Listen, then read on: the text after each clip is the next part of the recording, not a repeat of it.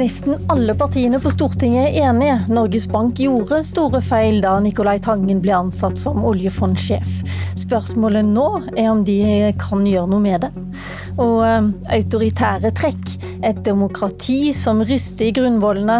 Nei, vi snakker ikke om Hviterussland denne gangen, men om Norge under korona, ifølge ny bok.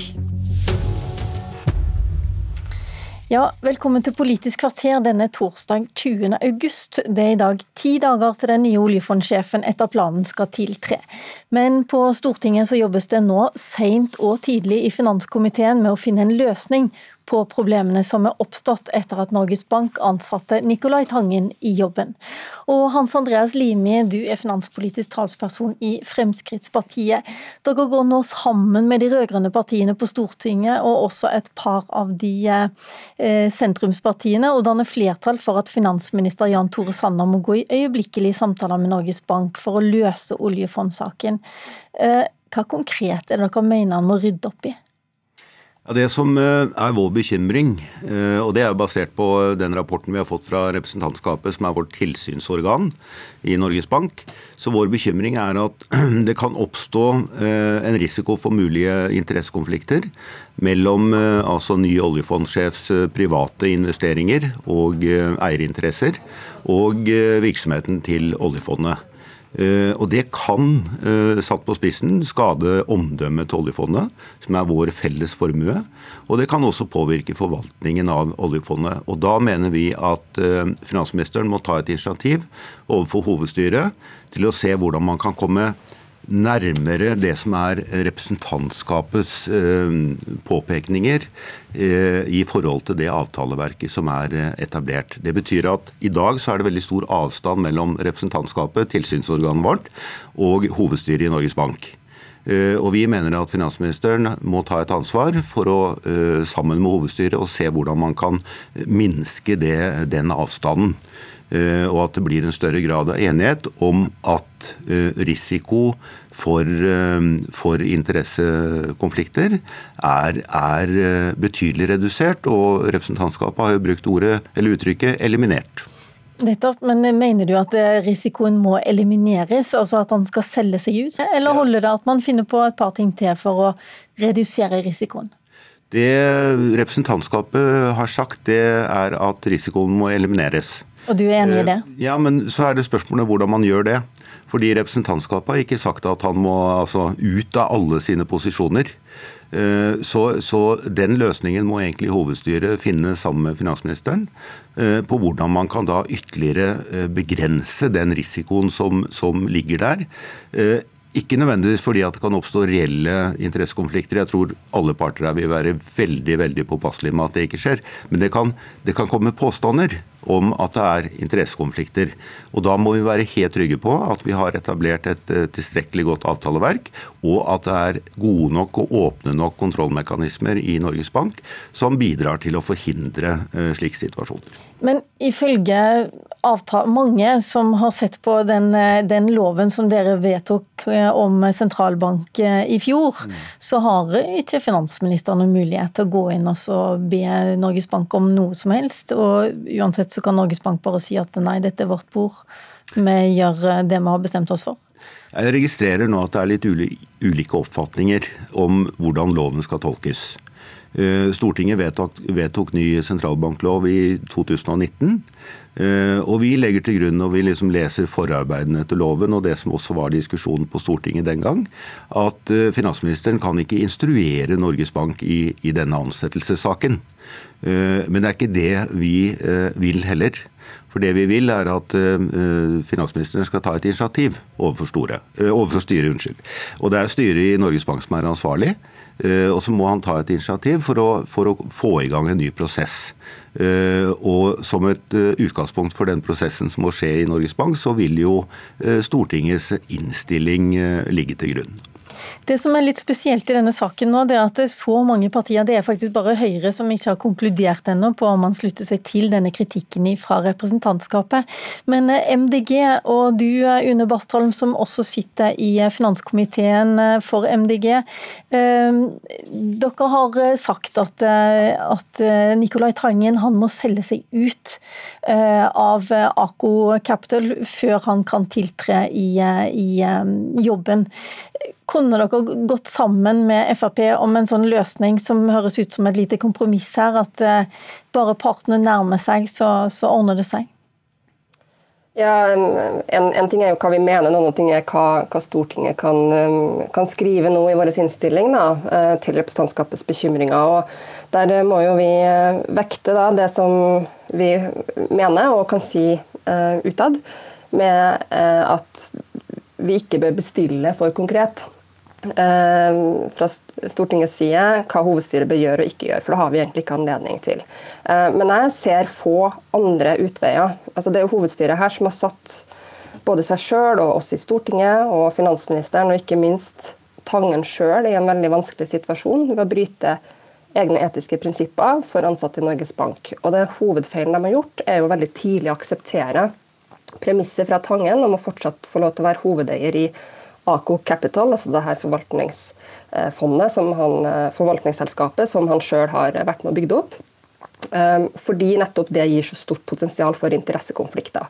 Og jeg mener det er en ting til uh, som ikke Frp var innom nå, men det er jo at han uh, fortsatt også, også, per i dag, etter det allmennheten kjenner til, har betydelige verdier plassert i fond, bl.a. av fond under Ako Capital, som er registrert i skatteparadisene Cayman Islands og Irland. Og Det gir jo et nytt problem, nettopp det at det kan svekke eh, oljefondet og, og, Norges arbeid internasjonalt mot aggressiv skatteplanlegging og bruk av skatteparadiser, fordi det svekker jo tilliten til eh, integriteten, egentlig, når vi sier at eh, til selskaper oljefondet ønsker å investere i, at eh, vi tar eh, avstand fra skatteparadiser. Vi mener at skatt bør betales der økonom, eh, økonomiske verdier skapes osv. Og, og så vet man at leder for fondet sannsynligvis sjøl har verdier plassert i skatteparadiser. Det er ikke troverdig. Så jeg tenker at det er få, på spørsmålet ditt, å få andre utveier her eh, egentlig, i realiteten, for å, for å, eliminere interessekonflikter og gjenskape en tillit til fondets arbeid mot skatteparadiser, enn at han eh, trekker seg ut som partner i AK Capital, og også slutter å ha personlige verdier plassert i skatteparadiser. Men uansett da, om man følger din oppskrift, eh, Une Bastholm, som, som, er å si absolutt nei til disse eierinteressene og oppheve denne avtalen, eller om man på en måte gjør om på avtalen og justerer den litt til, så er det å oppheve en arbeidsavtale. Og Det vil bety å uttrykke sterk mistillit både til sentralbanksjefen og hovedstyret. Det ville vært helt utrolig, skrev eh, Sivert Bjørnstad i Frp på Twitter her i forrige uke, eh, Hans Andreas Limi. Er dere ikke helt enige i Frp om denne saken? Jo da, vi er det. Men, eh, men han har, Silv Sivert Bjørnstad har eh, veldig gode poenger. fordi vi må forholde oss til fra Stortingets side at det er inngått en avtale mellom ny oljefondsjef og Norges Bank. Det er en bindende avtale. Det er altså slik at det er Norges Bank som foretar ansettelse av ny sjef for oljefondet. Og Det betyr at det kan bli veldig dyrt hvis man skal, opp, skal oppheve en sånn avtale. For da kan Tangen komme med erstatningssøksmål. Det Stortinget må gjøre, er å forholde seg til den rapporten som har kommet fra representantskapet. Eh, og slutte seg til, eller ikke slutte seg til, det som eh, representantskapet vårt eh, bemerker. Eh, og så må jo da Norges Bank, eh, og som vi ønsker også finansministeren, forholde seg til det og se hvordan man skal følge opp det. Så, men det er liksom Stortingets mandat. Vi skal ikke inn i denne ansettelsesavtalen. Vi skal ikke mene noe om eh, Tangen kan tiltre stillingen 1.9. Det, det, det, er det, det er det hovedstyret i Norges Bank som må løse. Og, og de må selvfølgelig også forholde seg til en avtale som er inngått, med en forutsetning om det, at han skal fortsatt være hovedaksjonær i eh, dette forvaltningsselskapet sitt. Det er et kjempedilemma når dere sitter i under Bastholm til slutt her. Dere skal både mene noe om denne avtalen, og dere skal ikke mene noe om denne avtalen. Det er ikke så rart at mange blir forvirra her. Nei, og jeg, jeg, begynte jo egentlig nå i stad litt tydelig å passere det hos hovedstyret til Norges Bank òg. Det, det, er en veldig lei situasjon som har oppstått. Eh, jeg mener jo at i tillegg til det å formelt nå skal svare på representantskapets brev, så jeg, føler jeg at jeg som folkevalgt har, har en rolle her i å uttrykke den store bekymringa jeg har for renommeet og tilliten til Norges Bank og oljefondet sitt arbeid. Og og det, det, må vi på en måte gjøre på en eller annen måte. Og I innstillinga så håper jeg at vi kan få til et, et bredt flertall om en veldig tydelig støtte i hvert fall, til de bekymringene som, som representantskapet kommer med. Okay. bare for å si Skatteparadiser er jo grunnen til at det er viktig for, for Stortinget, og har vært bestilt også som et arbeid i oljefondet, er jo at de pengene som frarøves demokratiet verden over fordi selskaper eh, klarer å planlegge seg rundt og plassere pengene på en måte som gjør at de ikke betaler skatt, det er jo penger som burde gått til helse og skole og velferdstjenester til befolkningen. Ok, Une Bastholm, jeg tror, ikke, jeg tror ikke vi rekker et lengre foredrag om skatteparadis akkurat nå. og Dessuten jeg har vi ikke motparten med oss. Men la oss bare slå fast da at eh, finanskomiteen møtes i dag klokken tolv. Dere skal kommentere dette eller diskutere langt utover kvelden i dag. Og antageligvis blir dette også eh, tema i debatten. Hans Andreas Limi, tror du på en løsning innen fristen i morgen? Ja, jeg håper jo det. Eh, fordi jeg tror eh, alle, uansett ståsted, er veldig tjent med at vi løser eh, denne saken fra Stortingets ståsted så raskt som mulig.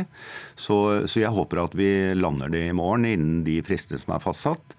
Og at vi får en, en bred enighet om hvordan vi skal håndtere denne saken videre. Ok, Tusen takk, Hans Andreas Limi og Une Bastholm. Abonner på Politisk kvarter som podkast og få sendinga rett til din mobil. Her i landet har vi vært flinke til å klappe oss selv på skulderen og glede oss over at antallet smitta og døde av korona er langt lavere enn i våre naboland. Men i disse dager kommer du med en ny bok, jusprofessor Hans Petter Graver, hvor eh, du skriver at koronahåndteringen her i landet har vært prega av en autoritær tilnærming. Skremmende, skriver du. Hva er det som har skremt deg? Ja, jeg vil ikke si at den har vært preget av det, men eh, det var et par uker i mars hvor vi så eh, noen veldig urovekkende eh, tegn, syns jeg.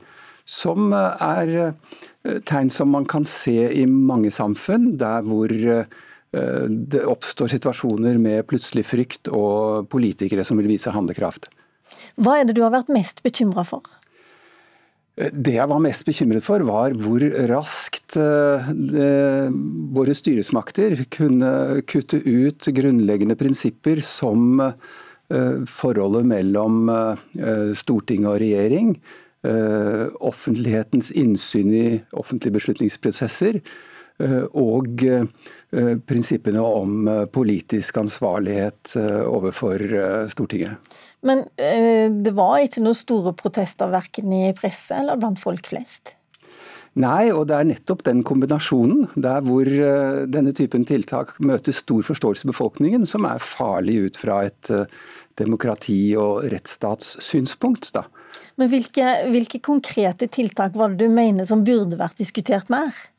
Jeg mener at eh, for det første så eh, burde selve prosessen før eh, koronaloven ble lagt frem for Stortinget, vært åpen og diskutert. Altså trenger vi denne typen fullmakter som regjeringen la opp til i en sånn situasjon for å løse. Og så var det jo en veldig stor oppmerksomhet rundt selve smitten og smittefaren. Samtidig som man gikk til tiltak som nedstengning av skoler og barnehaver, hytteforbud, nedstengning av masse virksomheter, eh, uten å diskutere forholdet, eller engang å vurdere forholdet til at man også da berøvet eh, grunnlovsmessige rettigheter som forsamlingsfrihet, retten til å bevege seg fritt osv. Men det funka jo. Altså, hvis man skulle hatt høringsfrister og uttalelser og komitébehandlinger, så hadde kanskje koronaen vært, vært over oss alle. Jeg tror ikke det. for Nå, nå ser vi jo at uh, det, dette ble jo løst på forskjellige måter i mange forskjellige land. og, kan si at uh, Allerede i januar så begynte jo myndighetene å jobbe med dette her, mens det da virkelig skjøt fart i, i mars. og Det viser vel at vi kanskje var uh, litt bakpå, hele samfunnet. og Det gjorde jo situasjonen farlig. Men jeg vil jo også berømme politiet, f.eks., som jo hadde en veldig nøktern holdning under hele tiden. Den som vil lese mer om, eh, om, oppsummeringen din, kan lese i 'Pandemi og unntakstilstand'. Det er en bok som kommer i disse dager. Men den offisielle kommisjonen som regjeringen har nedsatt, de kommer med sine konklusjoner i mars neste år. Tusen takk for at du var med, Hans Petter Graver, jusprofessor ved Universitetet i Oslo. Mitt navn er Lila Sølhusvik, og vår tid i Politisk kvarter i dag er omme.